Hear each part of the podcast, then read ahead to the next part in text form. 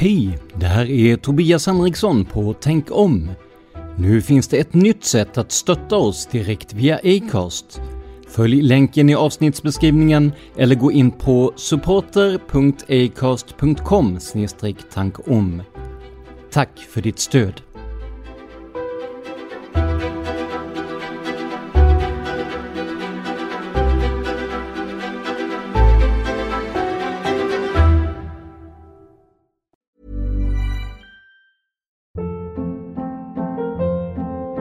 Hold up. What was that? Boring. No flavor. That was as bad as those leftovers you ate all week. Kiki Palmer here, and it's time to say hello to something fresh and guilt-free. Hello Fresh. Jazz up dinner with pecan-crusted chicken or garlic butter shrimp scampi. Now that's music to my mouth. Hello Fresh. Let's get this dinner party started. Discover all the delicious possibilities at hellofresh.com. Millions of people have lost weight with personalized plans from Noom, like Evan, who can't stand salads and still lost 50 pounds. Salads, generally, for most people, are the easy button, right? For me, that wasn't an option. I never really was a salad guy. That's just not who I am. But Noom worked for me. Get your personalized plan today at Noom.com. Real Noom user compensated to provide their story. In four weeks, the typical Noom user can expect to lose one to two pounds per week. Individual results may vary. Hey, it's Ryan Reynolds, and I'm here with Keith, co star of my upcoming film, If, only in theaters, May 17th. Do you want to tell people the big news? All right, I'll do it. Sign up now and you'll get unlimited for $15 a month in six months of Paramount Plus Essential Plan on us. Mintmobile.com slash switch. Upfront payment of $45 equivalent to $15 per month. Unlimited over 40 gigabytes per month. Face lower speeds. Videos at 480p. Active Mint customers by 531.24 get six months of Paramount Plus Essential Plan. Auto renews after six months. Offer ends May 31st, 2024. Separate Paramount Plus registration required. Terms and conditions apply if rated PG.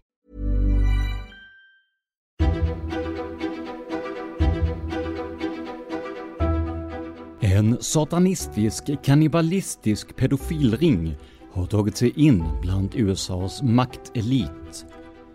Det finns bara en person som kan stoppa dem. Dåvarande presidenten Donald Trump. Jag heter Tobias Henriksson och du lyssnar på Tänk om. Välkomna till Tänk om, en podcast som granskar konspirationsteorier och myter. Jag heter Tobias Henriksson. Idag ska vi ge oss in i Amerikas mörka hemligheter och det gör vi med avstamp i de föregående avsnitten där Schiaffino Mussara berättade om USA och konspirationsteorier.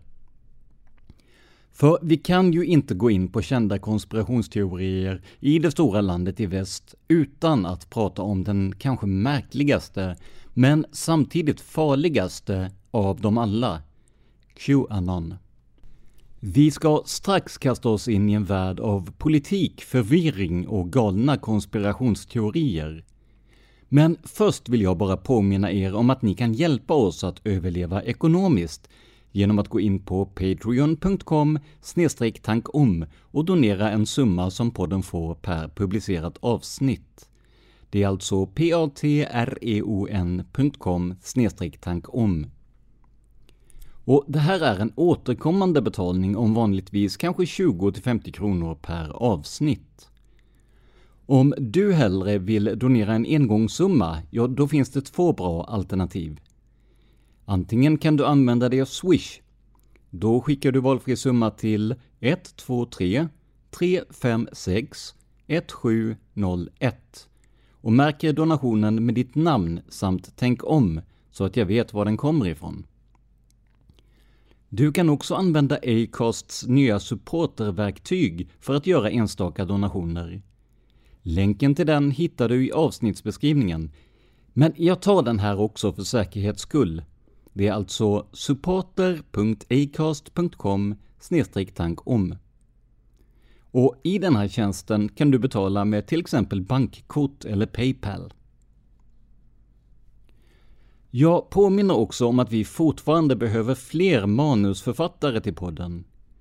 Just nu skriver jag många manus själv och med två poddar igång och ett annat jobb på 75% är det svårt att hinna med allt. Det har ni säkert också märkt i och med att podden kommer ut någon dag senare än vanligt ibland. Är du bra på svenska i skrift och tal och har ett öppet sinne utan förutfattade meningar? Kontakta oss på info prsmedia.se eller via privat meddelande på facebook.com tankom.se så får du mer information. Viss ersättning utgår och med tiden är det tänkt att vi ska kunna erbjuda ett fast arvode till de som skriver åt oss. Men med det sagt, nu är det dags för en sju jäkla konspirationsteori. Det här är Tänk om, idag om Qanon.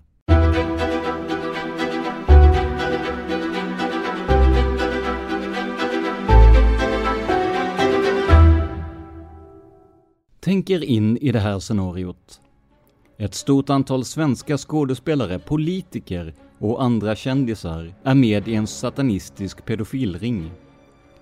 Hittills har det inte nått allmänhetens öron, men en läcka från underrättelsetjänsten har postat information om det på ett diskussionsforum. Han vet, och nu vet allmänheten också.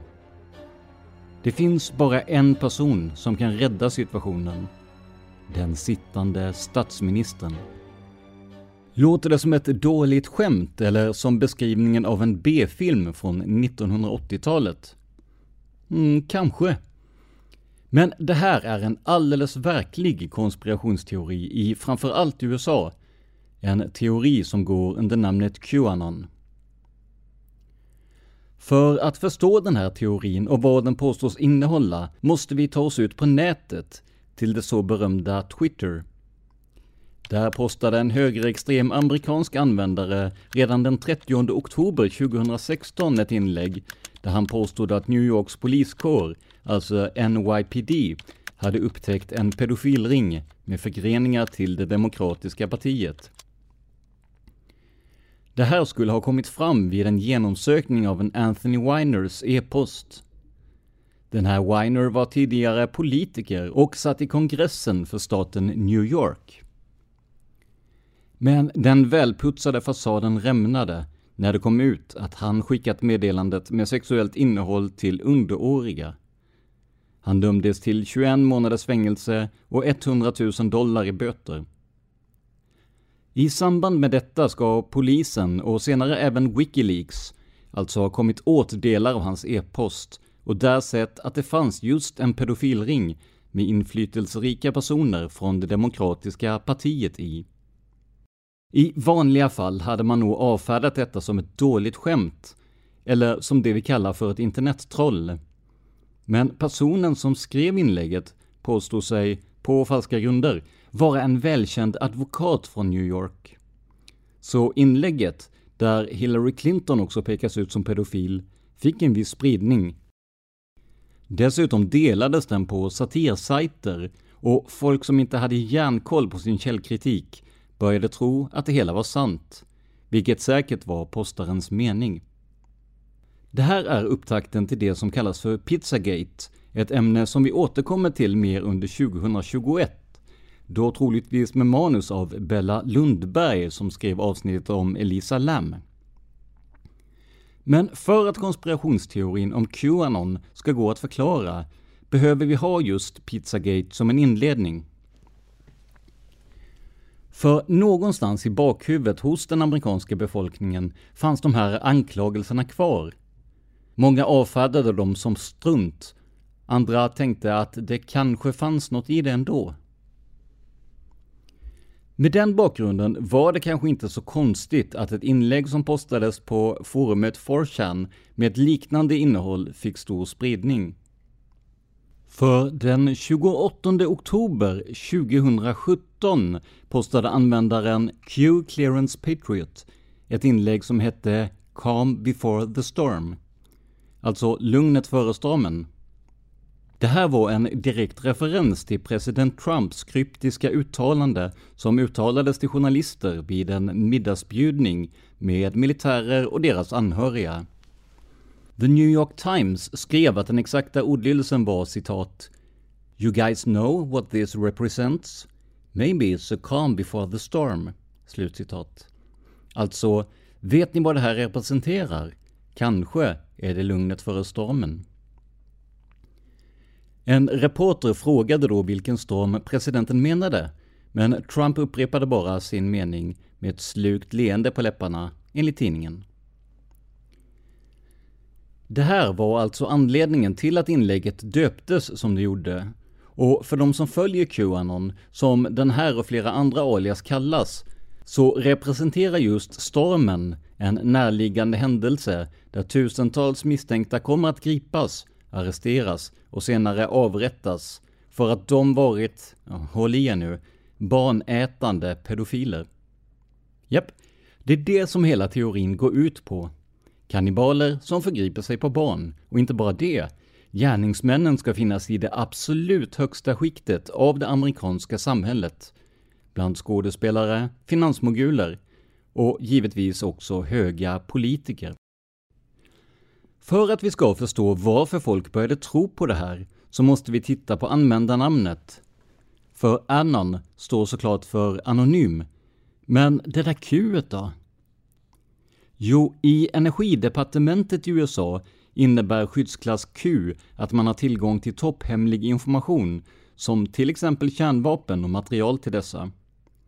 Att vara Q, det vill säga tillhöra den här skyddsklassen, skulle alltså tyda på att personen hade tillgång till sådan information som andra inte kände till.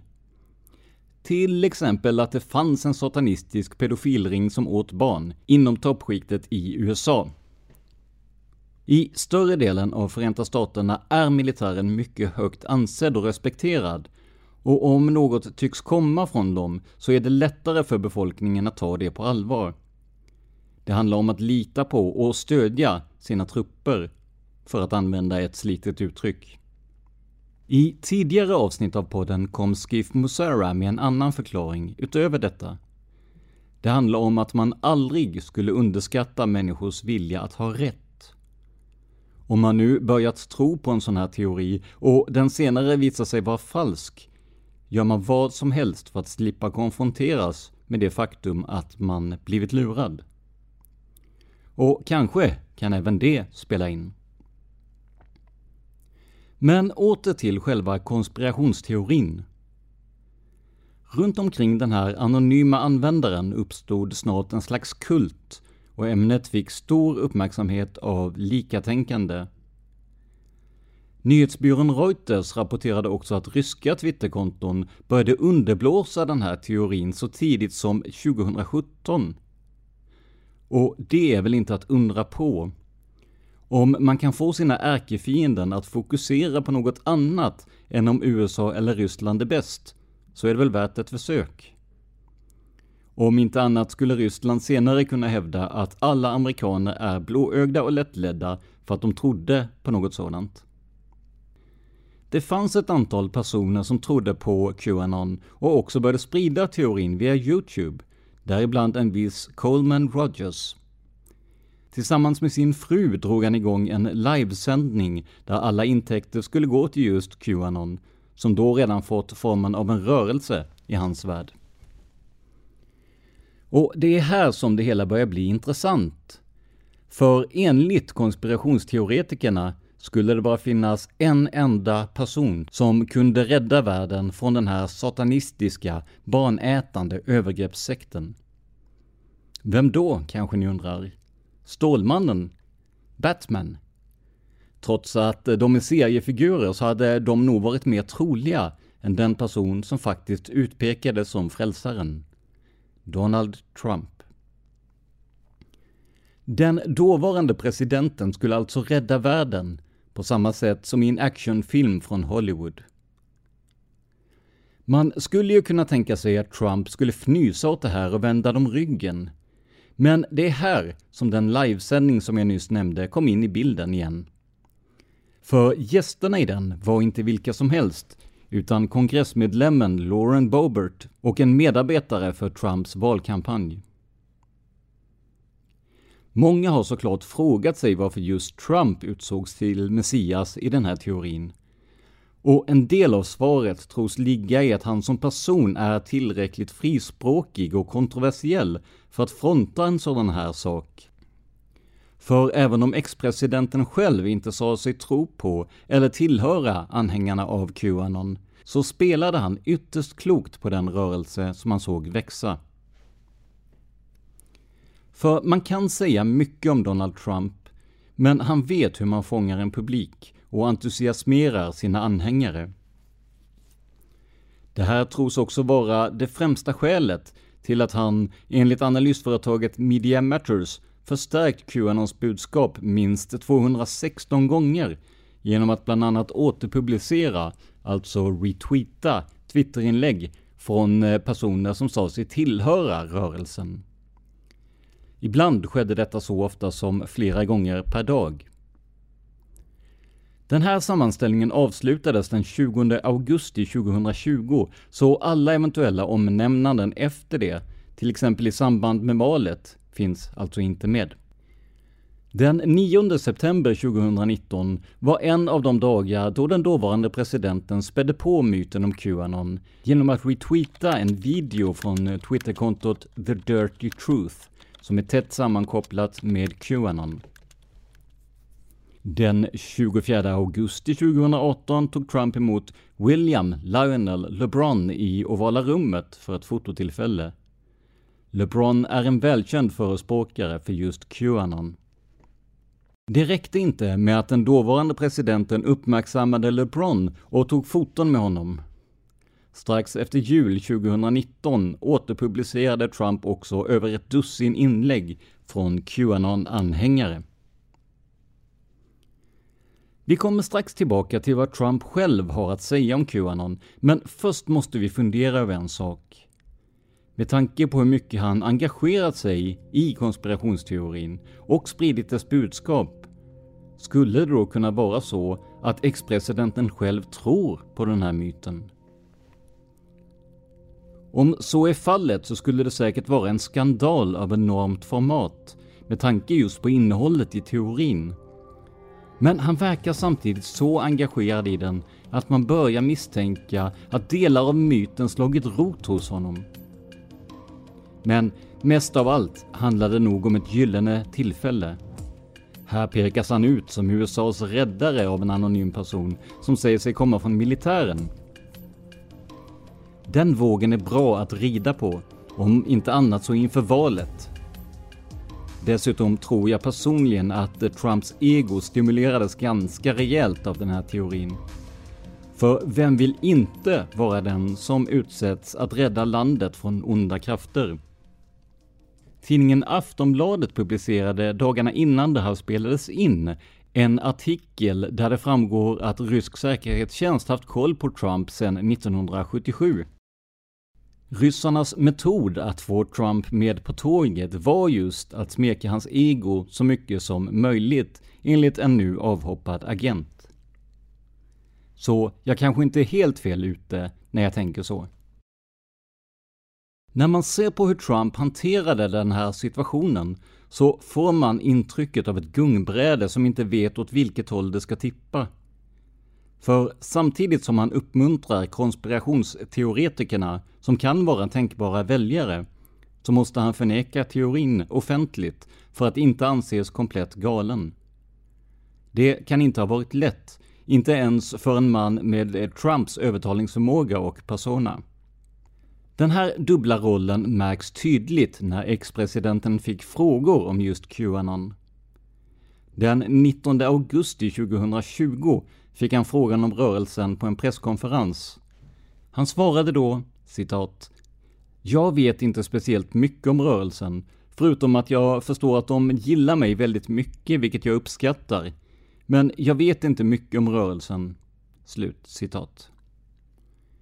Men det här uttalandet av en något avvaktande karaktär var inte det enda som Trump gjorde.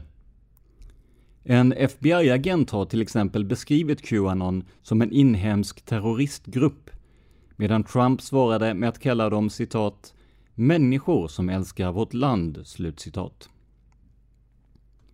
En klarsynt reporter frågade också Trump om han kunde stå bakom en rörelse som antyder att han, citat, i hemlighet räddar världen från en satanistisk sekt bestående av pedofiler och kannibaler, slutcitat. Trump svarade citat “Jag har inte hört talas om det, men ska det tolkas som en bra eller dålig sak?” Slutcitat. I oktober 2020, under brinnande valrörelse, fick Trump frågan om han tog avstånd från Qanon. Han vägrade göra detta och betonade istället att gruppen sätter sig emot pedofili. Samtidigt sa han, något motsägelsefullt, att han inte visste något mer om Qanon. Istället berättade han för NBC News utfrågare Savannah Guthrie att ingen kan veta om Qanons teori stämmer eller inte. Guthrie svarade då med att säga att gruppen tror på en satanistisk sekt som styrs av den djupa staten, alltså Deep State. Hon fortsätter med att säga att konspirationsteorin inte var sann. Trump svarade då citat Nej, det vet jag inte.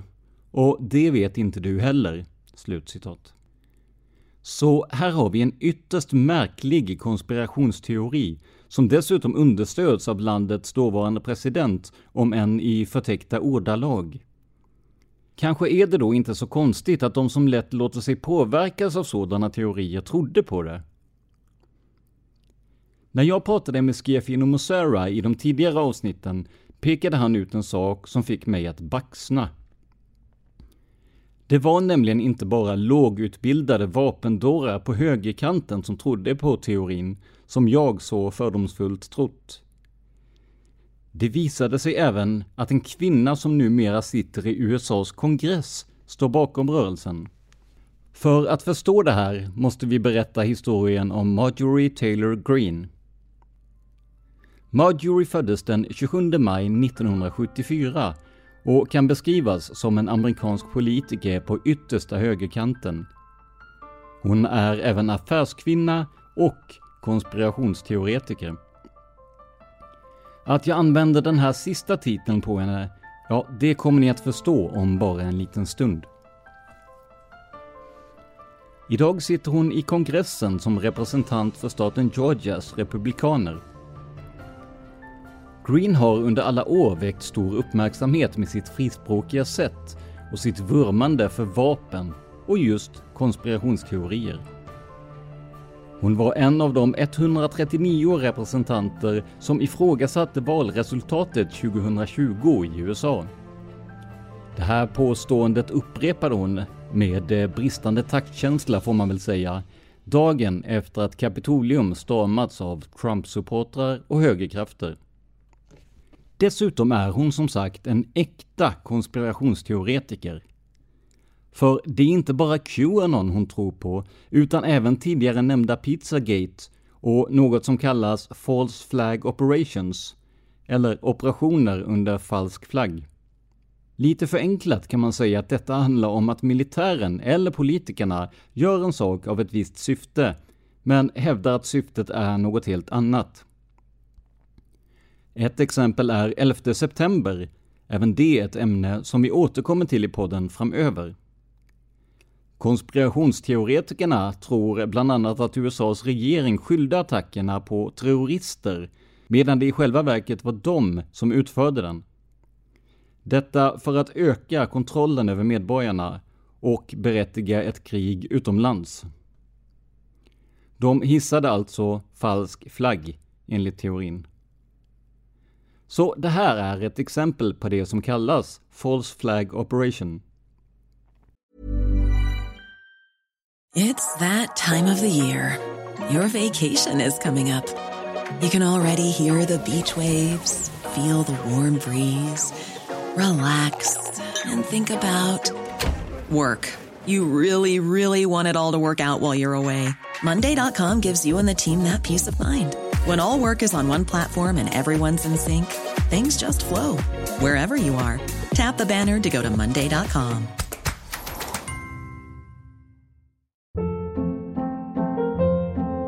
Hold up. What was that? Boring. No flavor. That was as bad as those leftovers you ate all week. Kiki Palmer here, and it's time to say hello to something fresh and guilt-free. Hello Fresh. Jazz up dinner with pecan-crusted chicken or garlic butter shrimp scampi. Now that's music to my mouth. Hello Fresh. Let's get this dinner party started. Discover all the delicious possibilities at hellofresh.com. Millions of people have lost weight with personalized plans from Noom, like Evan, who can't stand salads and still lost 50 pounds. Salads, generally, for most people, are the easy button, right? For me, that wasn't an option. I never really was a salad guy. That's just not who I am. But Noom worked for me. Get your personalized plan today at Noom.com. Real Noom user compensated to provide their story. In four weeks, the typical Noom user can expect to lose one to two pounds per week. Individual results may vary. Det är inte bara i USA som Green väckt stor uppmärksamhet. Även svenska tidningar har rapporterat om henne med illa dold förvåning över hennes uttalanden. Även om det först var kring det amerikanska valet som icke-amerikansk press började få upp ögonen för henne, så har hon i många år väckt uppmärksamhet i sitt hemland. Hon har bland annat varit väldigt aktiv på sociala medier och gillat en kommentar som menar att citat ”en kula i huvudet vore snabbare” slutcitat, i en diskussion om före detta talmannen i kongressen, Nancy Pelosi. På samma sätt har hon gillat kommentarer om att avrätta FBI-agenter för att de enligt postaren tillhör den djupa staten, the deep state. När CNN, som var först med att rapportera om detta, sökte Green för en kommentar, varken förnekade eller bekräftade hon att det var hon som skrivit kommentarerna, eller gillat dem. Hon menar att många under åren hanterat hennes sida och att en mängd gilla-markeringar har delats ut under den tiden. Vissa till poster som delar hennes åsikter. Vissa till sådana som inte gör det. Men här får vi stanna upp ett tag och fundera. För när gillade du som lyssnar senast en kommentar som går stick i stäv med vad du tror på eller står för? En arg gubbe en ironiskt eh, skrattande smiley, visst, men en gilla-markering, alltså en tumme upp.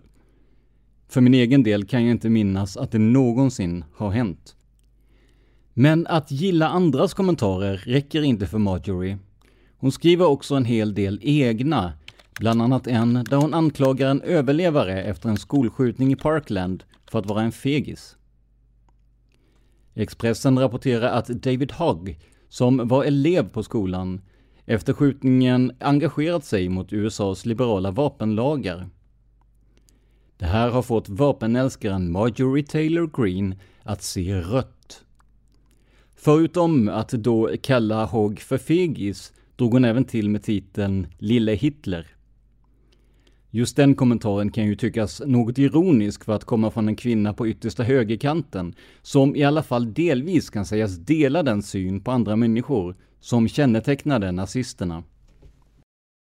Men hennes inlägg i debatten om skolskjutningen slutar inte där. Hon menar dessutom att hela skjutningen var just en false flag operation, iscensatt av förintelseöverlevaren och finansmannen George Soros. Om inte annat så var överlevaren David Hogg betald av honom, menade hon.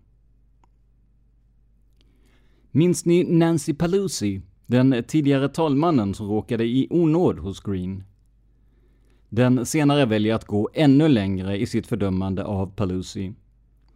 För Nancy hade nämligen uttalat socialdemokratiska åsikter om man drar en parallell till Sverige. Det här var såklart ett rött skynke för Green, som ansåg att Pelosi var vänster och vill inskränka den i grundlagen uttalade personliga friheten. Föga förvånande, om man ser till Greens politiska sida, handlade en del av de här frågorna om invandring och muren mot Mexiko. Innan Green kandiderade till kongressen samlade hon in underskrifter i syfte att ställa den dåvarande talmannen Pelosi inför riksrätt för vad Green kallar för landsförräderi. Hon syftade på Pelosis stöd för det som Green kallade fristadspolicies, som enligt henne citat ”tjänar illegala invandrare och inte USAs medborgare”, slutcitat. Bland annat med tanke på Pelosis motstånd mot muren på gränsen mot Mexiko. I ett tal som Green höll gick hon till och med så långt att hon antydde att Pelosi kunde bli avrättad för landsförräderi. I videon som spelades in av det här talet säger Green citat Hon är en förrädare mot vårt land. Hon är skyldig till landsförräderi. Hon svor en ed att försvara de amerikanska medborgarna och se till att lagarna efterföljs. Och nu ger hon sitt stöd till våra fiender som illegalt invaderar vårt land. Det är det som kallas landsförräderi. Och enligt lagen kan senatorer sparkas ut och inte längre får tjäna vår regering. Och det är, eh, det, det är ett brott som bestraffas med döden. Det är vad landsförräderi är. Nancy Pelosi är skyldig till landsförräderi. Slut citat. Om man som president hör en företrädare för sitt parti uttrycka sig så här, så borde väl varje rimlig människa ta avstånd och säga att personen inte talar med partiets röst. Det gjorde inte Donald Trump. Istället hyllade han Marjorie Taylor Greene som en citat ”framtida republikansk stjärna”. Slutcitat. Som om inte de uppräknade exemplen vore nog skyllde hon de stora skogsbränderna i Kalifornien på citat ”en sionistisk laserstråle från rymden”. Slutcitat. Eller det är i alla fall vad det rapporteras att hon skrivit på Facebook. Men den exakta ordalydelsen avslöjades av Media Matters reporter Erik Hananoki. Här skriver Green att citat ”Vice VDn för Rothschild Incorporated den internationella investeringsbanken kan ha använt solgeneratorer från rymden som strålade tillbaka solens energi till jorden. Slut citat. Det skulle ha skapat en citat laserstråle som kom ner till jorden och som orsakade skogsbränderna i Kalifornien. Slutcitat. Men varför skulle någon göra så? Jo, enligt Green är det alltså den judiska makteliten som ligger bakom och syftet skulle vara att manipulera börsen och citat ”fylla fickorna åt Rothschild Incorporated”. Slut citat. Hade en politiker uttryckt sig så i Sverige har jag svårt att se att denne skulle ens kommenteras av statsministern annat än i fördömande ordalag. Men i USA hyllas hon av den dåvarande presidenten, trots de mycket kontroversiella uttalanden som ni hört. Så det här är alltså en av Qanons mest publika företrädare. En kvinnlig högerpolitiker som älskar vapen, hatar invandrare och som vill låta avrätta talmannen. För mig är det svårt att inte dra paralleller till en mycket mörkare tid i vår historia, som började just med hatet mot judar och andra minoriteter. Men alldeles oavsett vad folk tycker och tänker så kan det ju finnas en bäring på teorin om det allra minsta lilla visade sig vara sant. Så finns det något i det som den anonyma profilen på internet skrev som stämmer? Finns det några som helst bevis för den här stora konspirationen? Jag antar att ni redan gissat det, men svaret är ett otvetydigt nej. Jag kommer nu att ta upp ett antal påståenden och förutsägelser som Qanon gjort på olika webbforum och där det kan verifieras att det är samma person eller personer som gjort uttalandena. Det här kanske kan ge en bild av sanningshalten i teorin. Och det här kommer att bli en lång lista, så häng med! Källor till det här och allt annat i avsnittet finns i avsnittsbeskrivningen samt på facebook.com tankom.se. 1. Vi börjar med falska förutsägelser av Qanon. Den första av dessa var att Hillary Clinton skulle arresteras och samtidigt skulle försöka fly ut ur landet. Det här inträffade aldrig. 2. Den så kallade stormen skulle ha ägt rum den 3 november 2017. Det hände inget speciellt i den amerikanska politiken den här dagen. Stormen, eller the storm, är ett begrepp som Qanon-anhängare använder för att beskriva den dag då deras teori bevisas vara sann och när Donald Trump sveper likt en storm över dem som gjort sig skyldiga till de påstådda brotten. Det här är den mest använda definitionen, även om det finns fler. 3.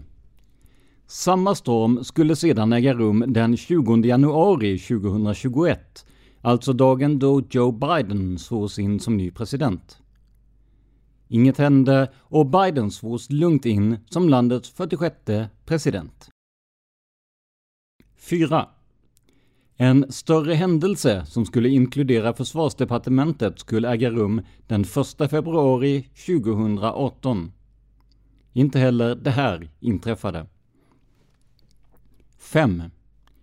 Personer som jagades av presidenten som en del av det satanistiska och kannibalistiska pedofilnätverket skulle begå massjälvmord den 10 februari 2018. Det finns inga rapporter om att några mer kända personer skulle ha tagit livet av sig den dagen. 6. Det skulle inträffa en explosion i en bil i London runt den 16 februari 2018. Ni kan gissa vad som hände va? Precis, ingenting alls. 7. Trumps militärparad skulle citat aldrig glömmas bort slutcitat. Paraden blev inställd. Men till deras försvar kan det ju också vara ett sätt att aldrig glömma den på, att den faktiskt ställdes in. För att citera Ulf Lundell, en inställd spelning är också en spelning. 8. Det skulle komma ett citat gigantiskt avslöjande slutcitat om Nordkorea i maj 2018. Men som vanligt hände just ingenting utöver det vanliga. 9. Ett smoking gun, eller ett rykande vapen, skulle vara en video av Hillary Clinton med ytterst komprometterande uppgifter. Den skulle komma ut i mars 2018. Men än idag har ingen sådan video synts till. 10. Man har flera gånger förutspått att John McCain skulle avgå från den amerikanska senaten. Men han stannade på sin post fram till sin död i augusti 2018. 11. På samma sätt har man flera gånger förutspått att Mark Zuckerberg skulle lämna sitt livsverk Facebook och fly ut ur USA. Fortfarande när det här spelas in i februari 2021 är Zuckerberg VD för Facebook. 12. Man har också påstått att påven Franciscus skulle arresteras och åtalas för grova brott. Det här har, som ni säkert märkt, inte hänt. 13. Man har också gjort mer vaga uttalanden, som att man flera gånger sagt att citat ”något stort” slutcitat ska hända citat ”nästa vecka” slutcitat. Inte i något av fallen har någon stor politisk eller militär händelse ägt rum. 14. Till sist har man såklart otaliga gånger förutspått att Donald Trump skulle återinsättas som president den 20 januari 2021 trots att han förlorade valet. Men som ni vet var det Joe Biden som svors in den dagen och inte Trump. Utöver de här förutsägelserna, som inte direkt skulle ge Qanon något bra rykte som siare, så har de även kommit med en hel del falska eller helt grundlösa påståenden. Bland dessa finns att CIA tillsatt den nordkoreanske ledaren Kim Jong-Un som en slags nickdocka som följer CIAs vilja. Man påstod också att Tysklands förbundskansler Angela Merkel skulle vara Adolf Hitlers barnbarn, något som snabbt gick att motbevisa. Bland de mer kända påståendena finns att Obama, Hillary Clinton, George Soros och ett helt gäng andra personer planerade en kupp mot Trump. Samma personer skulle också vara involverade i människohandel för sexuella syften, dessutom med barn. Inget av detta är sant, än mindre finns det några bevis eller indicier ens som tyder på det. Det här är bara några av de falska förutsägelser och påståenden som gruppen kommit med. Och som sagt, en lista med källor kommer att postas i avsnittsbeskrivningen så att ni själva kan kolla upp det. Men när jag presenterade den här konspirationsteorin beskrev jag den inte bara som den mest osannolika, utan också som den farligaste. För här har vi en teori som skapar en personkult runt presidenten, alltså vid det här tillfället Donald Trump. Personer som tror på teorin ser honom som en frälsare och kan i princip göra vad som helst för att skydda honom.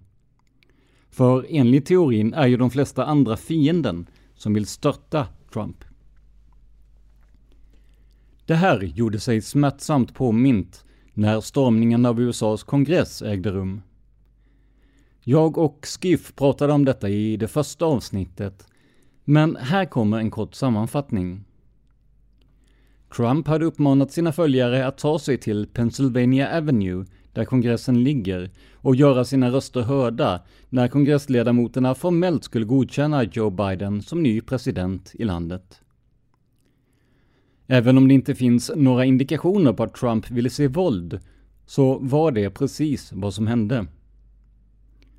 För deras stora ledare befann sig i kris, och just det som Qanon tror på skulle hända höll ju faktiskt på att äga rum. Andra korrupta politiker och makthavare skulle försöka ersätta Donald Trump och fortsätta med sitt skumma liv. Som ni förstår hade många av de som stormade Kapitolium en stark tro på Qanon och på teorin om Trump som frälsare. Låt oss börja med Ashley Babbitt, som var en krigsveteran från den amerikanska militären. David var en uttalad Qanon-anhängare och hade bland annat retweetat, eller delat vidare, inlägg från den konspiratoriskt lagde advokaten L. Lynn Wood. Strax innan stramningen postade hon ett inlägg på Twitter med texten citat “The storm is here” slutcitat. Alltså, stormen är här. En direkt anspelning på begreppet “the storm” som vi pratade om tidigare. Trots att Babbitt var obeväpnad sköts hon till döds av polisen på plats, av rädsla för att hon skulle bära ett dolt vapen. Efter den händelsen har Babbitt blivit något av en martyr för Qanons anhängare och för högerextrema grupper. Hon sågs helt enkelt som en frihetskämpe. Men vad vore hennes liv utan en präktig konspirationsteori som avslut på det hela? För trots att det finns bildbevis på stormningen och på delar av skjutningen så är det en del Qanon-anhängare som tror att Babbitt fortfarande lever och att det hela var en operation under falsk flagg, alltså tidigare nämnda False Flag Operation. Många har förbluffats över den man som iklädd horn på huvudet och en päls över skuldrorna deltog i stormningen.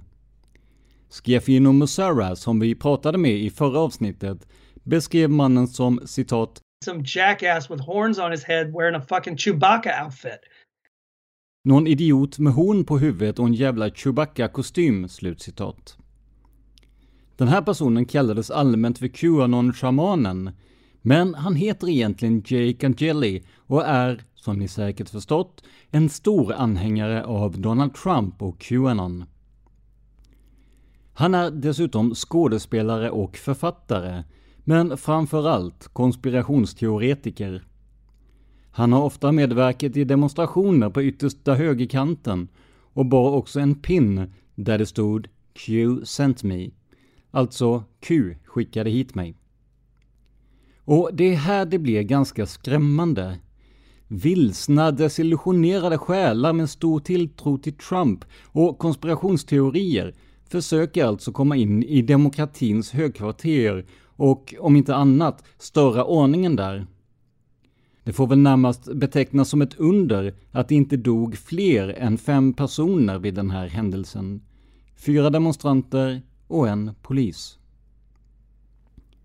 Att dessutom se att många anhängare av Qanon har åsikter som är i bästa fall grovt rasistiska och i värsta fall rent nazistiska borde sätta skräck i det land som så länge kämpat med sin inställning till rasfrågorna. Som exempel kan vi nämna en av demonstranterna som bar en tröja där det stod “Six million were not enough”. Alltså, 6 miljoner var inte tillräckligt. Som en klar referens till judeutrotningen under andra världskrigets förintelse. Men oavsett det, finns det då något i den här teorin som är vettigt, sannolikt eller ens troligt? Jag tror att ni anar svaret. Nej. Det här är den mest galna teori jag hört hittills i Tänk om. Och jag förstår ärligt talat inte hur någon människa med ett fungerande intellekt kan tro på det. Inte bara det att teorin i sig är helt galen, man allierar sig också med personer som med våld försöker ändra på demokratin och som sympatiserar med den yttersta högerkanten eller rena nazister. Den här konspirationsteorin är farlig, idiotisk och givetvis helt avfärdad. Det finns inte ett bekräftat ord i det som de säger och inte heller har man kommit med ett enda påstående som visat sig ha någon som helst bäring. Så jag är ledsen alla amerikaner som trodde på Donald Trump som Messias. Ni har trott på ett dåligt manus till en B-film där Superman byts ut mot presidenten. Man kan bara hoppas att de här strömningarna inte får mer fotfäste, för då tror i alla fall jag att vi står inför stora problem. För hos de här anhängarna ser vi just det som fick mig att starta Tänk om. De bryr sig inte om ifall något är fakta eller inte. Det är för jäkligt ändå. Och om det nu inte skulle vara kända fakta, vad är det då som säger att det trots allt inte kan vara så här, men att det dolts, enligt konspirationsteoretikerna? Men vi är många som vet bättre. Och jag hoppas att vi gemensamt kan få anhängare av sådana här teorier att leva i verkligheten och tänka mer källkritiskt. För tänk om den här organisationen skulle få mer inflytande än den redan har. Då har vi ett problem som vi trodde att vi kommit till bukt med sedan ungefär 1945. Vad tycker du om dagens avsnitt? Gå gärna in på facebook.com tankom.se och skriv av dig. Där får du också mer information om kommande avsnitt och eventuella event när pandemin väl är över. Som jag nämnde i inledningen söker vi fortfarande fler manusförfattare. Kontakta mig på info prsmedia.se eller via privat meddelande på facebook.com tankom.se för att få mer information. Jag vill också påminna er om att ni kan få ett antal fina belöningar, bland annat alla avsnitt utan reklam, genom att sponsra oss på patreon.com tankom. Genom att göra det kan du stödja podden och se till att vi kan fortsätta komma ut under en lång tid framöver. Om du vill donera en engångssumma istället finns alla uppgifter du behöver i avsnittsbeskrivningen. Stort tack för ditt stöd! Det här var veckans avsnitt av Tänk om som gjordes av mig, Tobias Henriksson på PRS Media.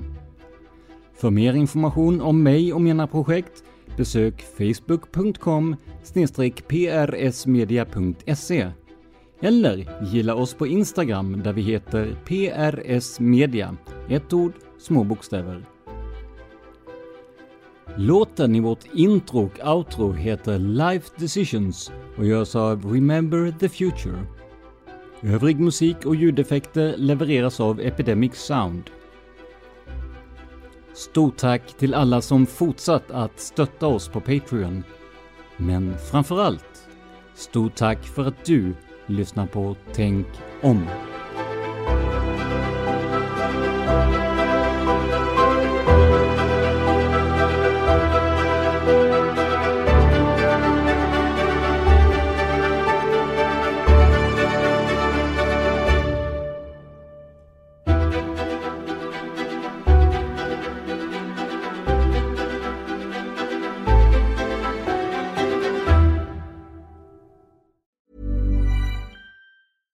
Catch yourself eating the same flavorless dinner three days in a row? Dreaming of something better? Well, HelloFresh is your guilt-free dream come true, baby. It's me, Kiki Palmer. Let's wake up those taste buds with hot, juicy pecan crusted chicken or garlic butter shrimp scampi. Mm. Hello Fresh. Stop dreaming of all the delicious possibilities and dig in at HelloFresh.com. Let's get this dinner party started. When it comes to your finances, you think you've done it all. You've saved, you've researched, and you've invested all that you can. Now it's time to take those investments to the next level by using the brand behind every great investor, Yahoo Finance. As America's number one finance destination, Yahoo Finance has everything you need, whether you're a seasoned trader or just dipping your toes into the market. Join the millions of investors who trust Yahoo Finance to guide them on their financial journey. For comprehensive financial news and analysis, visit yahoofinance.com, the number one financial destination, yahoofinance.com.